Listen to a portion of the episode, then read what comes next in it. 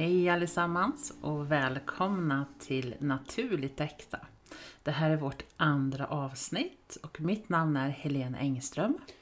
Och här i den här hörnan har vi fortfarande Rickard Livendal. Först och främst innan vi börjar prata om dagens ämne så vill både jag och Rickard, Rickard får prata för sig själv, men jag vill verkligen tacka för den fantastiska respons vi har fått av vårt första avsnitt som vi pratade, som handlade om sorg. Verkligen, det har betytt jättemycket för mig att få all den här responsen. Eh, och det kändes efter det att det här var verkligen behövligt. Det här var någonting viktigt att prata om. Så verkligen jättestort tack för att ni har gett så positiv respons för det här. För det betyder att vi har gjort någonting rätt. Så känns det.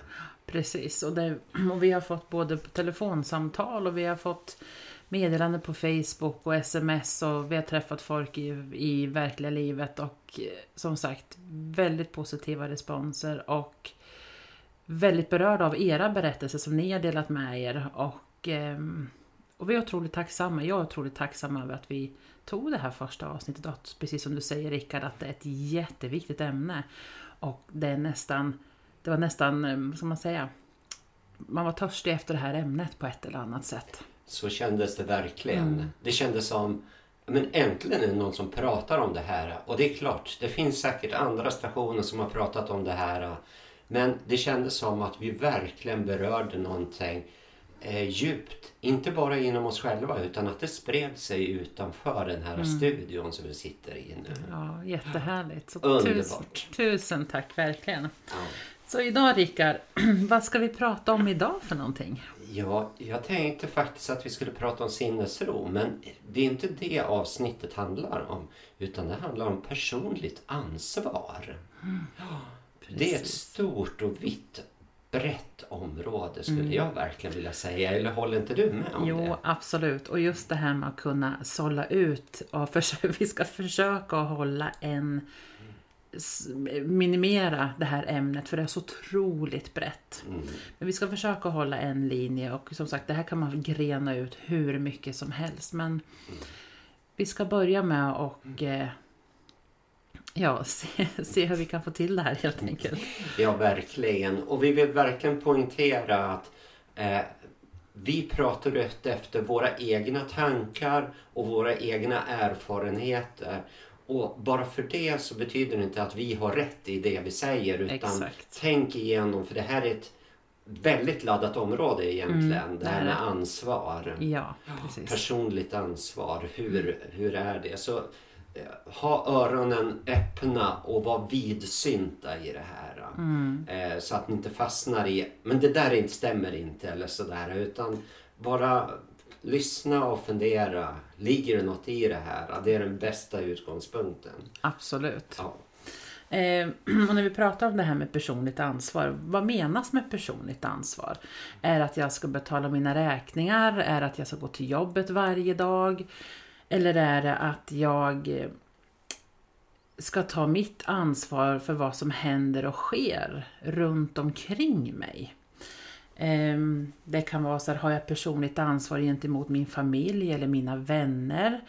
Ehm, har jag ett personligt ansvar om jag kör min bil för snabbt? Alltså, vad är personliga ansvaret? Ja, jag tycker att personligt ansvar det, det innefattar egentligen allting vi gör. Precis. Det personliga ansvaret börjar redan när min väckarklocka ringer och jag stiger upp för att börja min nya dag. Mm. Redan där, vad väljer jag att göra då? Vilken tid har jag ställt klockan på? Hur lång tid har jag på mig för att göra de olika sakerna för att göra att min dag blir riktigt bra? Redan där börjar det personliga ansvaret faktiskt. Mm. Sen är det väldigt brett. Jag skulle kunna säga att det personliga ansvaret sträcker sig hur långt som helst. Men det jag skulle vilja att vi berör idag det är just det här med vad tänker vi om att vända blicken inåt istället för att hela tiden peka på alla andras ansvar. Mm. För i mitt jobb som arbetsmiljösamordnare eller vad man ska kalla det mm. för då är det ju hela tiden, gör vi rätt grejer eller så? Vems är ansvaret? Mm. Men för oss vanliga enskilda individer då är det väldigt mycket vårt eget personliga ansvar som styr saker och ting. Mm. Och precis som du sa i början här liksom att när min väckarklocka ringer. Vaknar jag då av väckarklockan och tänker nej en morgon till, gud nu måste jag gå upp, nu måste jag göra de sakerna. Hur vaknar jag? Vaknar jag med negativ ton gentemot mig själv och börjar dagen på det sättet och den fortsätter. Råkar jag försova mig och liksom stressar upp mig så hela dagen hamnar eller börjar halta. Hur kan jag liksom kanske vakna och känna att oh, jag är jättetrött men det känns väldigt bra att vakna. Den här dagen är liksom ett oskrivet blad. För det är varje dag.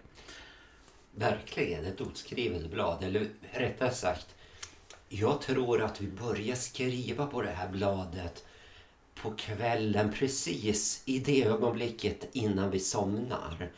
Där tror jag att vi börjar skriva vår dag egentligen. För sen under natten massor med drömmar och vi bearbetar saker och ting och så vaknar vi upp på morgonen och inser att nej, det var bara en dröm det där.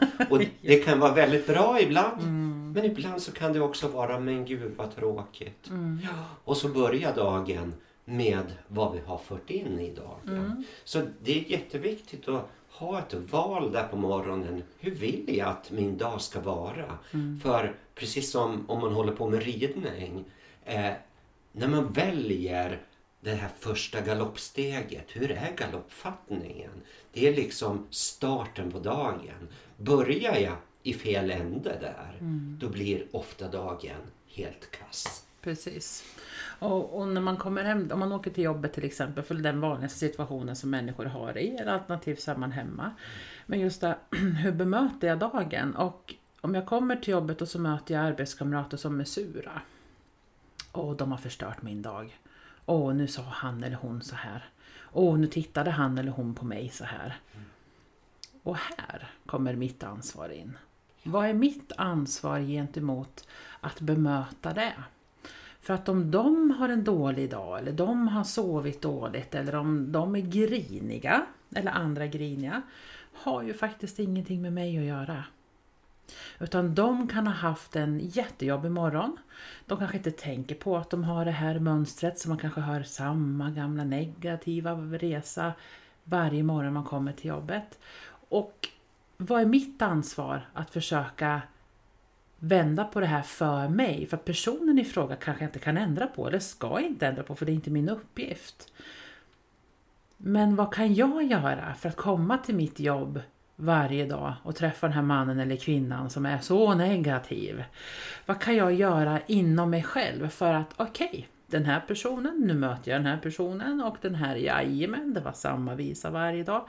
Att man kanske förbereder sig på att inte falla för den energin. Utan det är mitt ansvar att se till att ah, jag suger inte åt mig av det här. Eller jag kommer inte lyssna på det här för att då blir min dag mycket bättre. Vad tänker du om det? Jag tycker det är helt lysande. För Det är precis så det är. Vi väljer ju själva hur vi ska... Vi kan, som du säger, inte eh, ändra på någon annan människa. Vi kan inspirera, men vi kan inte ändra. Mm. Till exempel den här podden är ju ett sånt exempel. Vi kan ju inte ändra på människor hur de tänker och Absolut tycker och Mm. är. Men däremot så kan vi inspirera. Och det viktigaste det är ju faktiskt att titta på vad behöver jag för att må bra? Mm. Och gå in med den energin. Vet jag att jag har, när jag kommer till jobbet, åh, en massa gnälliga arbetskollegor eller sådär. Ja, men då måste jag ju förhålla mig till det på något vis. Det är mitt ansvar. De får ta ansvar för sin reaktion eller sitt mående så. Men Mm. mitt ansvar, det är ju att inte ta till mig den här negativiteten och dras ner i den. Mm. Utan göra vad jag kan för att antingen förändra situationen eller förändra mina känslor i förhållande till den. Mm. Bemöta det här på ett positivt sätt. Det är mitt ansvar faktiskt. Mm. Så det påverkar ju mitt mående.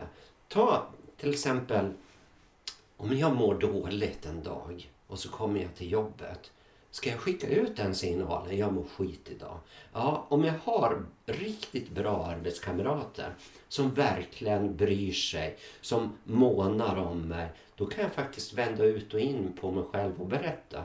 Nu är det så här, nu är det så där himla jobbigt igen. Eh, och få positiv, bra respons. Men eh, ett av de effektivaste sätten som jag har sett, det är faktiskt att jag vänder på det. Jag kommer dit till jobbet, glömmer bort allt det här, försöker att lägga upp en glad och positiv attityd med ett leende, möta människor med att säga god morgon, heja och så vidare mm. på ett väldigt positivt sätt. För när jag säger det, vad får jag tillbaka? Jag får detsamma tillbaka. Mm. Och det som händer då det är ju bara wow vad kul att komma till jobbet. Det lyfter mig i energin. Mm. Så den responsen, ibland måste man tänka om jag sänder ut den här energin, vad får jag för energi tillbaka? Är den energin positiv för mig? Ja, det är den. Om jag sänder ut glädje och får glädje tillbaka, då lyfter det mig. Och så finns det säkert någon som sitter och lyssnar här nu att ja, men det spelar ingen roll om jag är positiv för de är sura i alla fall. Oavsett det så är det fortfarande ditt ansvar att hålla din energi i den positiva andan som du har. För att du ska kunna orka med arbetsdagen och kunna ha, utnyttja din rast eller din paus eller lunch på bästa sätt. För att oavsett om du är glad och positiv och någon arbetskamrat kanske är väldigt eh, trulig, om man nu ska säga så, och vägrar att bli positiv. Ja men det är fortfarande ditt ansvar att se till att inte bli påverkad av det. Eh, för ju mer ju mer man gör det desto lättare blir det. Gör man det här varje dag, varje dag, till slut bara, men varför är du så här glad för? Ja men varför ska jag inte vara det? Mm, mm. Och nu tycker jag att det passar jättebra för mig att komma in och prata om det här med sinnesro. För det, det kan du använda i alla slags sammanhang. Och det, jag brukar gå på någonting vi kallar här i Köping för sinnesrogudstjänst. Vi har det en gång i månaden. Det har sin ursprung i eh, drogmissbrukare av olika slag använder någonting som kallas sinnesrobönen. Det är inte förknippat med religion, men vi, vi gör det i kyrkan. Men det är liksom öppet för den typen av människor. Och den är så enkel. Den går så här. Gud, ge mig styrka. Sinnesro, förlåt. Gud, ge mig sinnesro att acceptera det jag inte kan förändra. Det vill säga någon annan mod att förändra det jag kan. Det vill säga mig själv. Berätta om, så här känner jag för saker och ting. Och förstånd att inse skillnaden. Vi kan inte förändra andra människor. Men vi kan förändra oss själva. Och vara modiga att göra det. Låta det komma fram. För då kommer vi inte att slösa på den energin som det innebär att dras ner av negativa människor och sånt där. Det är mitt personliga ansvar tycker jag. Mm, mm. Absolut. Ja. Och det är ju precis där att, att hitta dit också. Det är, ju, det är ju träning varje dag. Det är att jag tänker så att om man till exempel har samma, man är med om samma situation gång efter gång efter gång. Jag kanske träffar vänner som är jättebra och jätteintensivt med och vi har jätteroligt och, och sen så, så kraschar det på något sätt och det funkar inte. Och så, så säger jag men den här människan den sa så här och så här och, och, och så, så vill jag inte umgås med den här längre eller de vill inte umgås med mig. Och så träffar jag nya vänner och umgås med dem och så blir det samma liksom mönster. Och så träffar jag nya vänner och nya vänner och det slutar med att men, det kanske blir skitsnack här och skitsnack där. Och varför, träffar jag, varför träffar jag såna här människor för? När man hittar ett sånt mönster, varför händer det alltid mig? Eller om jag träffar en kvinna eller man som inte är snäll mot varför händer det alltid mig? Eh, kanske ett svårare exempel att ta där. Eller om jag kör bil för snabbt till exempel. Jag stannar och får en fortkörningsbot. Ja, det går ett par veckor och så, så kör jag igen och så får jag en fortkörningsbot. Och så kommer den tredje gången och varför händer det alltid mig att jag får en fortkörningsbot istället för att vända inåt? Det är kanske jag som ska köra lite saktare så slipper jag den här boten. Eller det är kanske jag som ska titta på mig hur jag agerar runt mina vänner om samma situation dyker upp runt omkring mig hela tiden. För att om jag bor i den här stan eller i en annan stad och flyttar till ett annat land och samma situation återkommer, då finns det ju en gemensam nämnare och det är ju jag. Ja. Jag håller med om det. En gemensam nämnare, jag själv. Mm. När man ser det, varför upplever jag alltid samma sak i relationer, jobb, eh, i andra sammanhang, vänskap, precis som du säger. Jo, men det är för att jag sänder ut någonting. Mm. Och vad är det jag sänder ut? Mm. Det är mitt personliga ansvar. Mm. Det är så lätt, och vi gör det alldeles för ofta tycker jag, att peka ut. Det är deras fel. Det är hans fel, det är hennes fel. Det är den där personens fel. Det är samhällets fel, det är politikernas fel. Det är pengarnas fel, det är skatternas fel, det är fel politik etc. Vi pekar hela tiden utåt men vi pinkar aldrig inåt. Och vet du vad, när vi pekar med ett finger, Ja. då har vi tre fingrar som pekar mot oss. Exakt. Det säger faktiskt en hel del. Precis, så står man och, om man inte pekar med hela handen då, men oftast pekar man med ett finger. Och då har man tre fingrar som pekar mot oss. Mm, Vilket gör att man definitivt ska titta på sig själv kanske tre gånger extra. exakt. Ehm, Det är ett lysande exempel på det här Mm. med ja, men var, var går energin någonstans? Mm. Jag vet, ofta utåt. Men det är inåt, det är där all kraften Mm. finns. Och, och, jag, och jag tänker så här att om jag nu har det här, om vi tar det här exemplet med vänner som kanske många upplevt eller som, ja, ehm, upplevt eller någon gång kanske varit med om. Eh, så tänker jag så här att eh, när vi pratar om det här, att, att vad speglar jag ut eller vad sänder jag ut? Det betyder inte det att man kanske sänder ut att man vill ha negativa vänner men det sänder ut min självbild av mig själv. Hur ser jag på mig själv? Hur talar jag om mig själv? Är jag värd att ha vänner som respekterar mig och månar om mig? Och tycker jag inte kanske att det är det, eller kanske inte respekterar och om mig själv, då attraherar jag de människorna, människorna som inte respekterar och månar om mig. Utan då blir det ofta situationer som gör att man hamnar i den här, det här ekorrhjulet. Så hittar man sitt eget värde, vilket tar tid innan man hittar just den eh, punkten, vad det kan vara för någonting.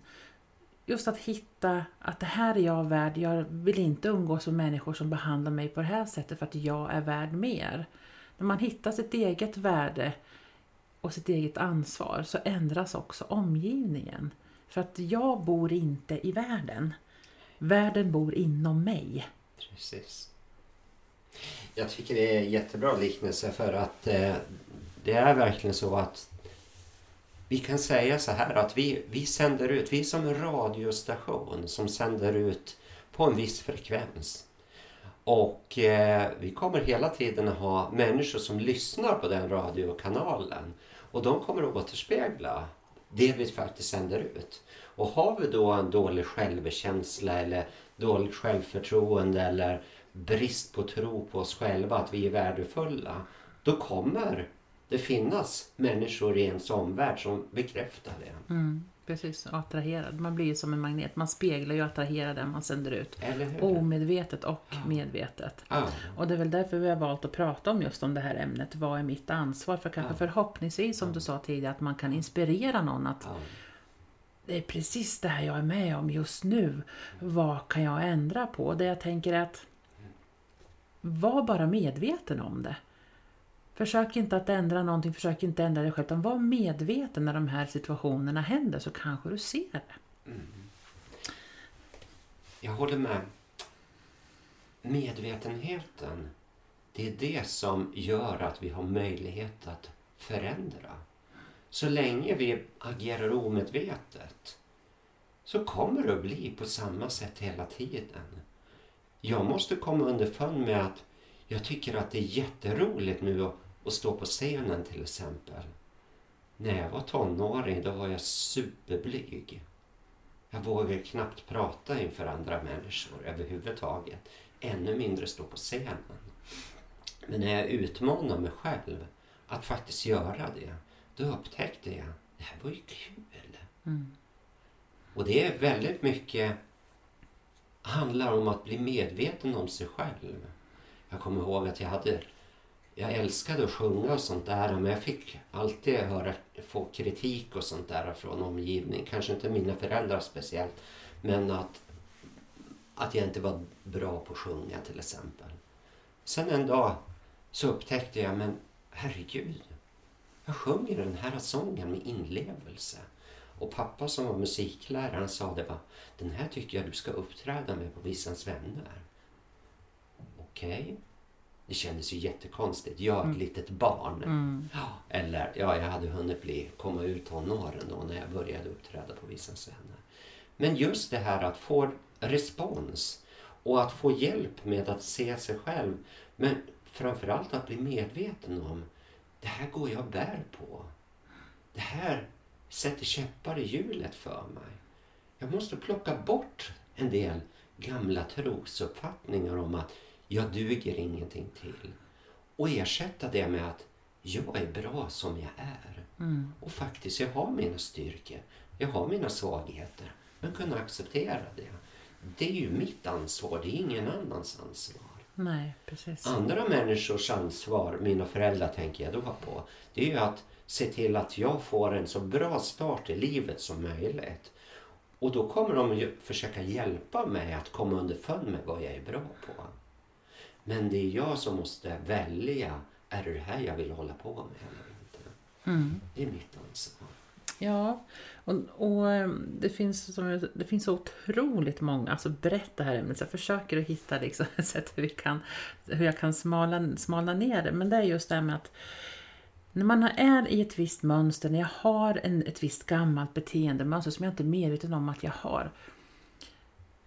Då är det ju så att det kan ju kännas som hela världen är emot mig. Eh, och det kan kännas som att ingen tycker om mig.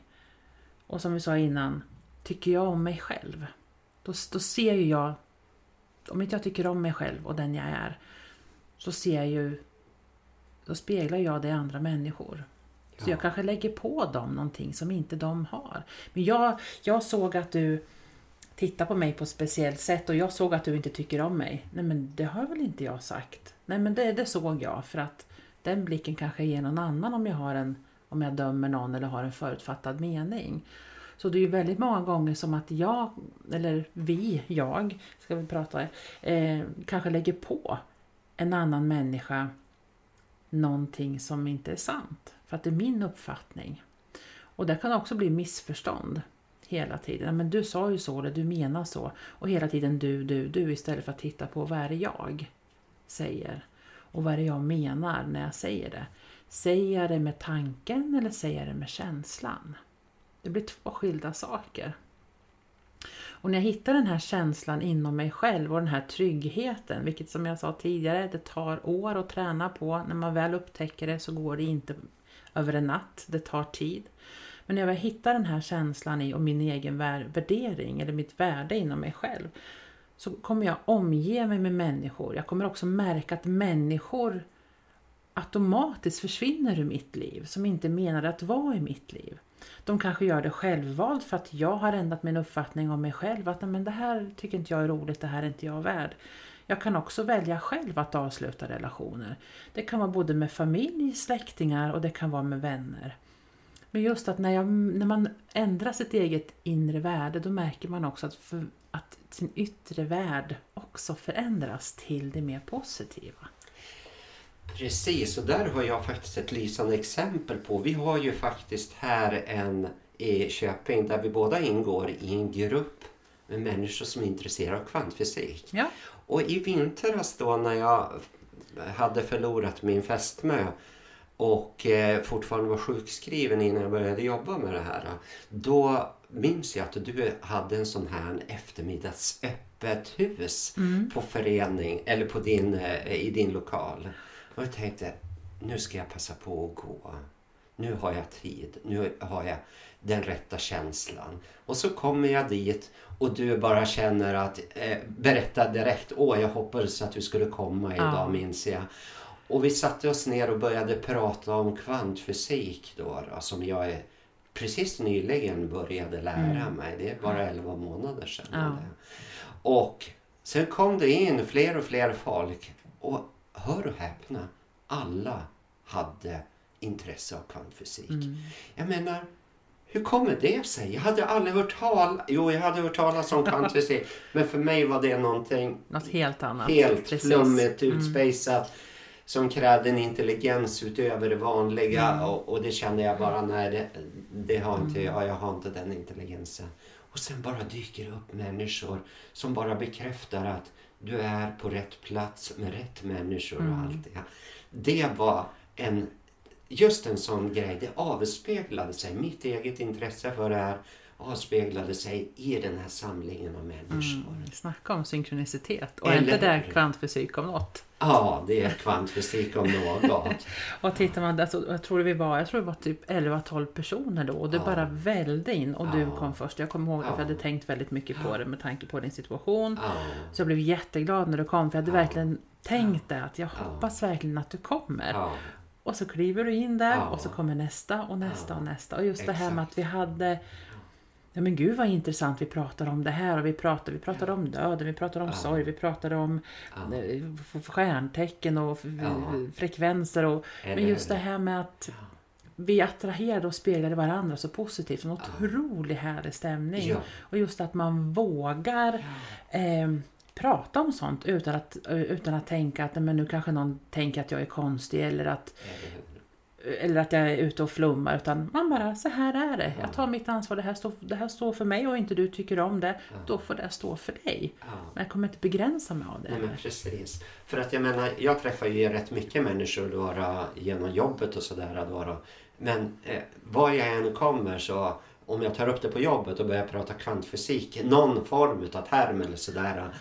Det är ingen som pratar överhuvudtaget då. Det är bara jag. Liksom. Det är ingen som kan matcha det på något vis. Nej. Utan till och med fast de är superintelligenta när det gäller människor då, som de kan otroligt avancerad teknik och, och sånt där. Men kvantfysik verkar de inte ha tittat in på. Och det känns som bara, men herregud. Jag har bara egentligen en enda man. En, en kollega som är jämngammal med mig då, då, som också fyller 60 år. Han och jag, vi kan prata om det här. Men det är den enda av alla mina jobbarkompisar lokalt då i varje fall som, som eh, går att prata kvantfysik med. Så det är inte utbrett att alla människor kan det här. Nej, men, Därför tyckte jag det var en sån happening att alla som kom till din lokal, alla visste någonting om kvantfysik. Och att vi fick ihop en grupp och idag är vi tio personer som träffas regelbundet och pratar just kvantfysik. ja, det var där vi började prata om det. Ja, Just det. men jag menar i lilla Köping. Mm. 25 000 invånare, det är, visst det är många tusen invånare. Men att vi hade så lätt för att hitta varandra. Precis. Det är otroligt. Mm. Och, och det är ju den, där, där vi sänder ut medvetet och omedvetet attraherar vi ju. Mm. Och det är just det här när den här problematiken kan bli så, om jag bara träffar människor som, som jag upplever tycker illa om mig, Mm. och man inte har kommit till den insikten att ja, men sänder jag ut att de ska tycka illa om mig, det är inte det jag pratar om, eller vi pratar om, utan det är man sänder ut sin självbild, så man attraherar de människor som har samma självbild. Och två minuspoler blir ju liksom inte ett. Alltså. Det, det, det blir ju liksom en, en negativ positivitet. Ja. Och attraherar man någon som har samma självbild på ett eller annat sätt och den personen börjar prata om sina bekymmer och vad det nu är för någonting, då kan ju det triggas igång inom en och så känner man att men gud, det här mådde jag inte bra av och det är samma sak hela tiden jag träffar den här personen. Samma sak hela tiden, samma sak hela tiden. Det är negativt, det är negativt, det är negativt. Men ändå så fortsätter jag träffa personen. Vad beror det på? Personligt ansvar. Precis. Det är ju jag själv som väljer. Ja. Jag vet att eh, för många, många år sedan så var jag i den situationen att jag upplevde att det var på det här viset. Och jag bara kände, men vad jag än säger, vad jag än gör så kan jag inte få den andra människan att förändra sig. Vad gjorde jag då? Ja, jag tog mitt personliga ansvar och be- bestämde mig för jag tänker inte umgås med den här människan. Nej, precis. Och så måste man göra ibland när man känner att vad jag än gör så förändrar det inte. Och vill jag inte ha det på det viset, då måste jag förändra det själv. Det vill säga ta avstånd eller Eh, prata om någonting annat Mm. så att inte de här eh, diskussionerna kommer igång som drar ner mig. Mm. Och det kan ju vara så att när jag tittar tillbaka på så har ju min om, umgängeskrets och omgivning förändrat sig otroligt mycket genom åren. Eh, Och det, det är ju tack vare att jag förändrar mig. Det är ju inte på grund av att andra människor förändrar sig utan det är ju jag.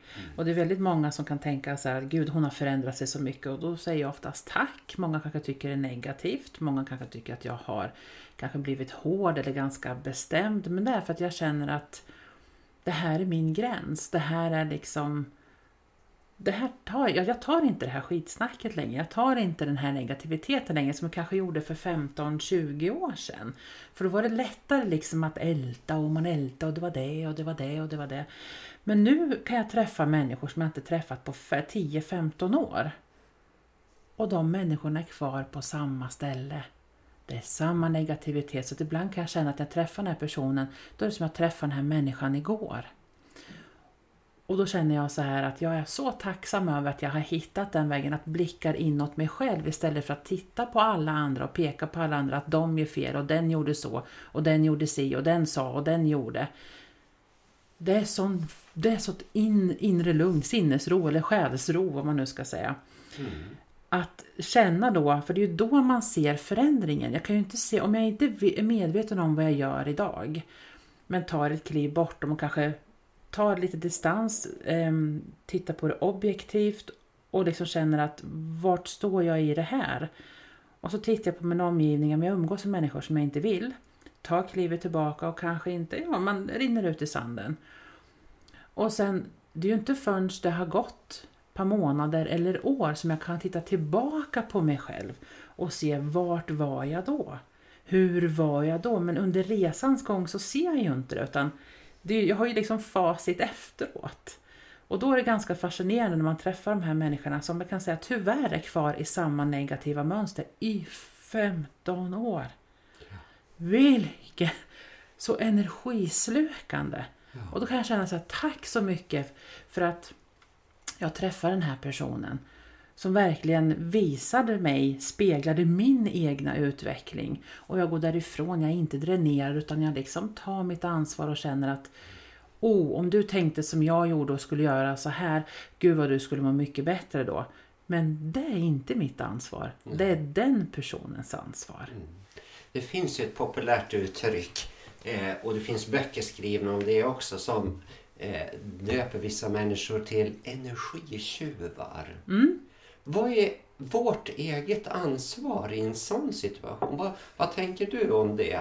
Jag menar, du har säkert stött på en massa energitjuvar genom åren, speciellt i andliga sammanhang. Absolut. kan jag ju se att det finns jättemånga energitjuvar som på olika sätt och vis drar energi ur en. Men hur, hur ser du på det här med energitjuvar? Ehm, I början då när den här boken kom så var det väldigt mycket, den heter ju energitjuvar Ja. rakt av. Ja. Och det var all, allt, allt man inte tyckte om var energitjuvar. Allting som inte passar min mall var energitjuvar. Allting som bara dränerar mig var energitjuvar. Ehm, och då, även de jag mötte liksom. Jag kände liksom att jag kanske inte ska sätta en, vad heter det, ett, ett label, vad heter det, ett, ett märke, etikett. etikett förlåt, eh, på, eh, på de här personerna, att de är energitjuvar. Så att jag backade tillbaka lite och tittade på liksom om jag skulle göra likadant, då kunde jag ju se mig själv att men herregud, det, det jag känner mig störd på, det är ju precis det jag själv kan göra. Så för mig är energitjuv en ren spegling av min inre värld. Det är för mig en energitjuv. Mm. Exakt, för jag menar anledningen till att vi kallar dem för energitjuvar för det är varje gång vi träffar dem så tar de energi av en. Man blir slut av dem. Herregud, nu har jag träffat honom eller nu har jag träffat henne. Och det är samma visa om och om igen. Jag blir alldeles så slut. Jag känner mig alldeles tömd och jag som var så glad innan dess. Vems ansvar? Det är mitt ansvar. Varför måste jag fortsätta prata med den här människan? Varför måste jag fortsätta eh, ta till mig den här energin från den andra? Jo, men det är ju för att egentligen så sänder de ju ut signaler som jag behöver bli medveten om. Mm. De finns ju i mitt liv som Kai Pollak och jag älskar hans sätt att se på saker och ting. De finns i mitt liv för att jag ska träna på dem. Mm, precis. Ja, de finns där för att jag ska upptäcka hur jag själv dränerar mig på energi, på saker som inte är bra. Hur jag själv kan vara en energitjuv mot andra människor. Och, och bli medveten om det här. För när jag väl är medveten om det, då försvinner de här människorna. Mm. De finns inte kvar. Precis, och, och just det här precis som du säger att de tar min energi. Det är ingen som tar någonting av mig. Jag ger bort den. Ja, eller hur? Jag tar den ifrån mig så ger jag bort den. Och när de känner det då blir jag som ett öppet mål. För att den här, alltså, och det är så bra att prata med dig Helene. Vad många gånger jag har hört det. Åh vad bra att prata med dig. Du säger absolut de rätta sakerna. Och gud det är så skönt att prata med dig. Mm. Ja, Mm, jag kanske inte säger så mycket utan de kanske dumpar av sig på mig. Och ibland kanske jag säger så, eller nu kanske jag men ursäkta jag har faktiskt inte tid. För att då känner jag att min energi den bara försvinner. ja. Men precis, det är ju för att du sänder ut den energin. Ja. Men, men du tillåter ju det. Och de känner bara, åh, här kan du ta, kan du ta det här också? Kan du ta den här stenen också? Så plockar de upp den ena efter den andra i ryggsäcken och bara, åh vad skönt att få lämna ifrån mig det här. Jag tänker på det här med pengar. Det är väl ett område som Det är en verkligen trigger. handlar om ansvar. Mm, Personligt trigger, ja, ja, ansvar. ja. Alltså det här med pengar. Det tror jag sitter så väldigt djupt inrotat i oss att antingen är vi rika eller också är vi fattiga. Antingen är vi hela tiden i brist på saker och ting. Eller också är vi i överflöd. Och det handlar ju om mitt eget ansvar faktiskt, har jag märkt. När jag var barn då fick vi 1,50 i veckopeng.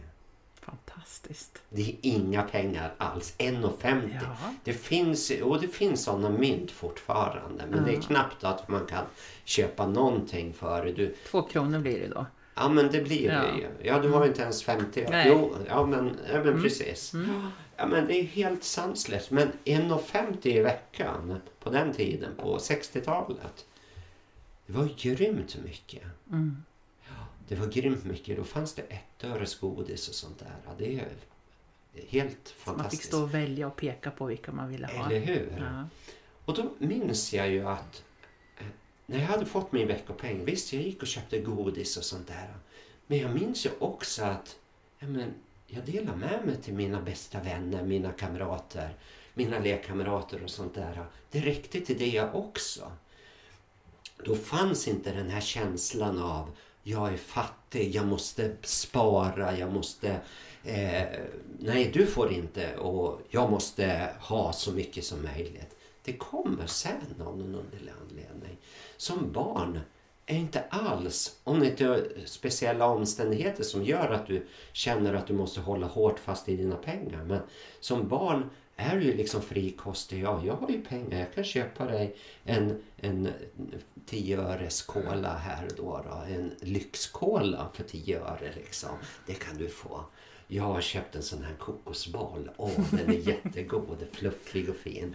Den kostade 90 öre liksom. Åh, grejen, vilken grej! Alltså, så förhållandet till pengar förändras med tiden. Ju äldre vi blir, desto mera, om vi har brist på pengar, desto mera vill man hålla fast i det där.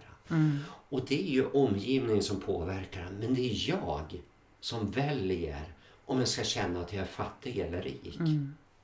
Precis. Hur tänker du kring det här? Jo, eh, pengar är ju en otrolig trigger. Verkligen.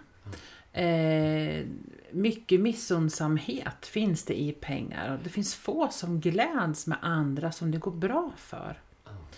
Eh, och kanske lyckas med sitt företag eller kan köpa sin nya bil eller man kanske köper ett nytt hus. Mhm. Titta där. Mm-mm. Titta vad mycket pengar de verkar ha då. Istället för att Åh, vad roligt att det går bra för dig. Vad roligt att ni kan göra det här. Jag önskar också att jag kunde göra det, men det kommer.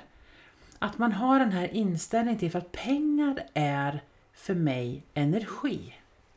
Precis som att vi pratar om den här energin vi ger ut med, med energitjuvar. Om jag omedvetet går omkring och sänder ut att jag inte har pengar så kommer jag aldrig känna mig rik och kom, kan jag aldrig känna mig rik om jag har till exempel 1000 kronor eller 500 på mitt konto då blir jag aldrig nöjd. Så det spelar ingen roll om jag har en miljon på kontot, för jag kommer aldrig bli nöjd. Eller om jag har 500 kronor på kontot, jag kommer aldrig bli nöjd. Så blir jag inte nöjd någon gång, hur ska mitt flöde kunna öka? Eller hur? Eller hur? För vad ska vi ha pengarna till egentligen? Visst, vi, vi behöver pengar idag för att betala våra räkningar. Självklart. Eh, samhället är uppbyggt på det viset. Men sen resten då? Eh, när vi har betalat det som är nödvändigt, alltså i mitt fall hyra, eh, när jag har betalat elen, när jag har betalat mm. bilen, när jag har betalat bensin och, och alla sådana här grejer, försäkringar, allt det där. Då finns det fortfarande pengar kvar, förhoppningsvis. I varje fall i mitt fall så är det på det viset. Eh, men vad ska man göra med de här? Ja, men det är det som är viktigt med pengarna. Det är inte hur mycket pengar jag får eller hur mycket pengar jag har. Jag kan bli jätteglad om jag får tillbaka på skatten 500 kronor. För då känner jag 500 kronor. Det är i varje fall ett restaurangbesök på en väldigt fin normalfin restaurang då med ett riktigt gott glas vin till mm. kan jag få för 500 mm. kronor. Mm. Med förrätt, varmrätt, efterrätt mm. och sen ett glas vin till det där. Det, absolut att jag kan få en riktigt bra måltid för mig själv med 500. Mm. Precis. Så det är, det är vad du gör med mm. pengarna. Det är det som är viktigt, inte mm. pengarna i sig. Nej. Och, och sen så tänker jag på det här egna ansvaret nu som vi ja. har fokus på. Det är att mm.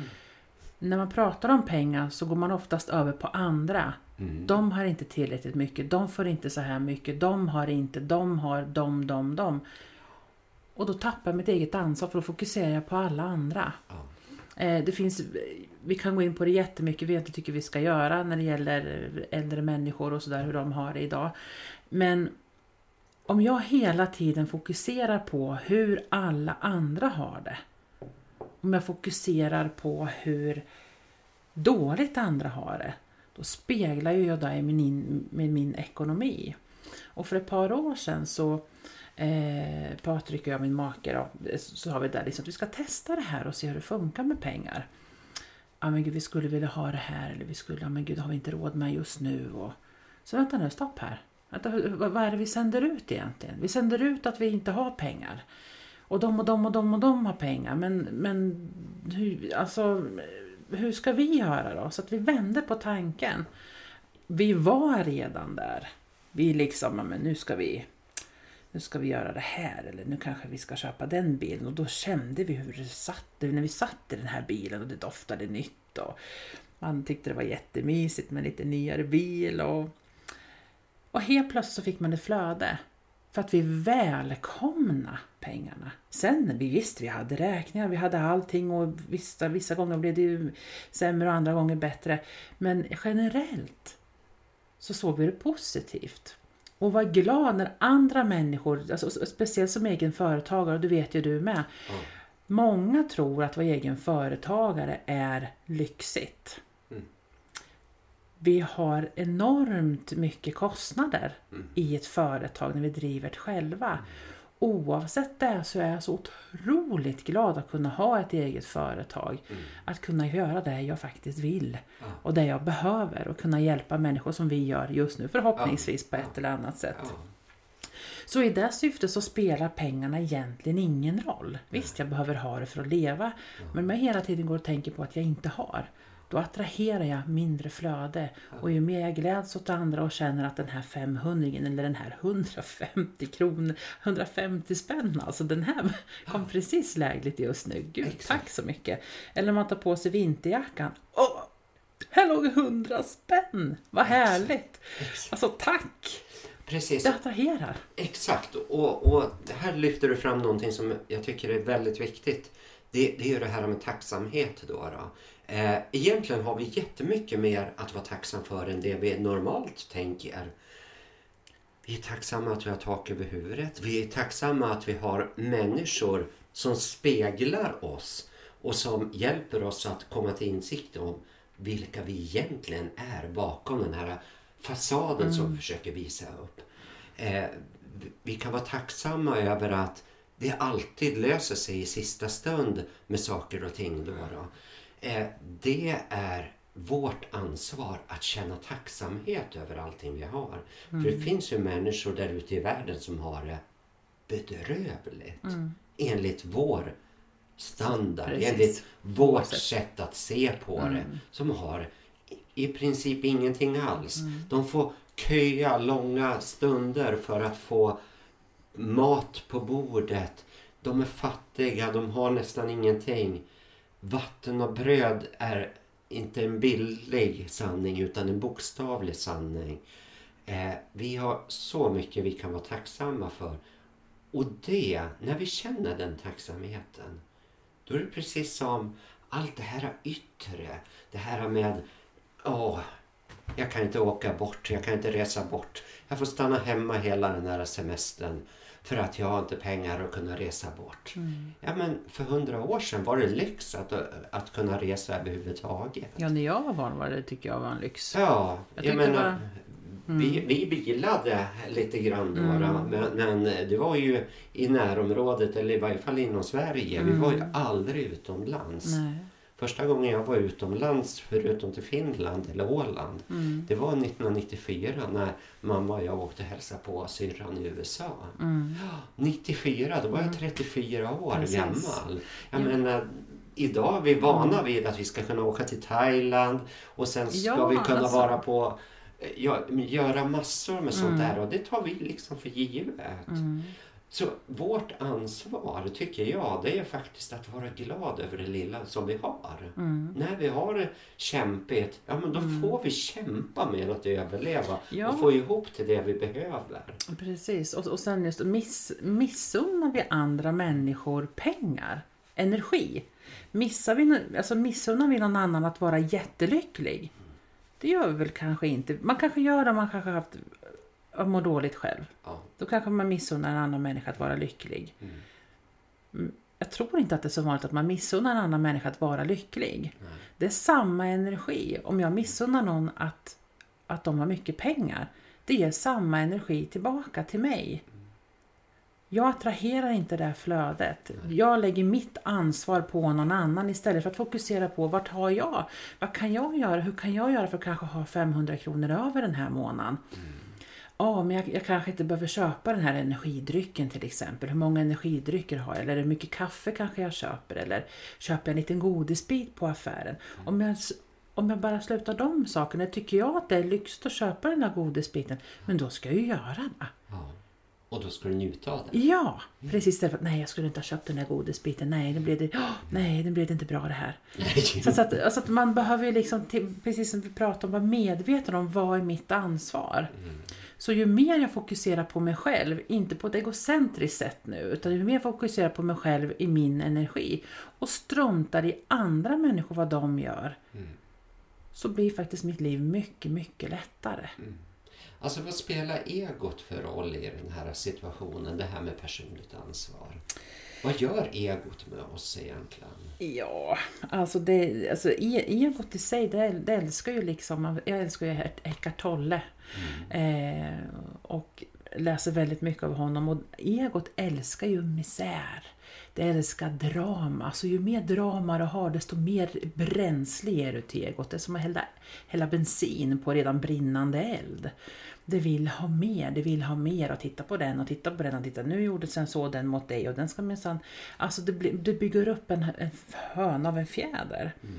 Så istället för att lyssna på det här att titta på den och titta på den och jag kan inte få eller tänk jag kan inte ha det här och jag har jobbat så här mycket. Men kan man släppa egot eller släppa den tanken som jag säger, mänskliga tanken, egot slash kontra som sagt eh, min personliga åsikt. Eh, och låter lyssna på känslan istället.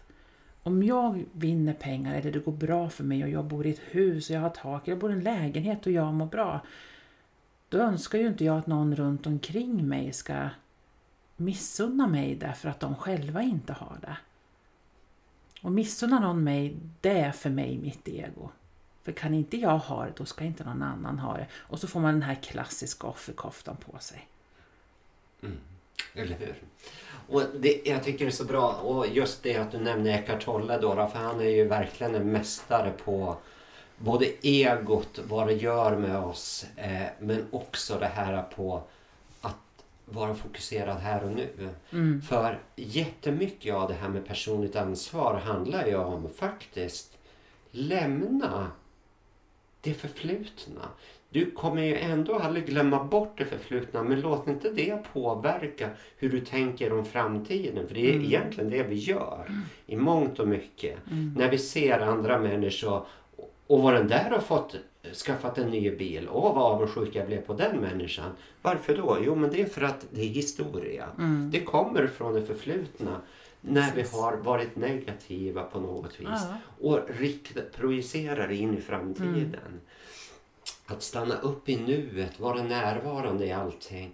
Till exempel när vi går ut, jag menar, vi vet ju hur det är att gå ut på en promenad ute på landet någonstans. Ut i skogen eller sådär.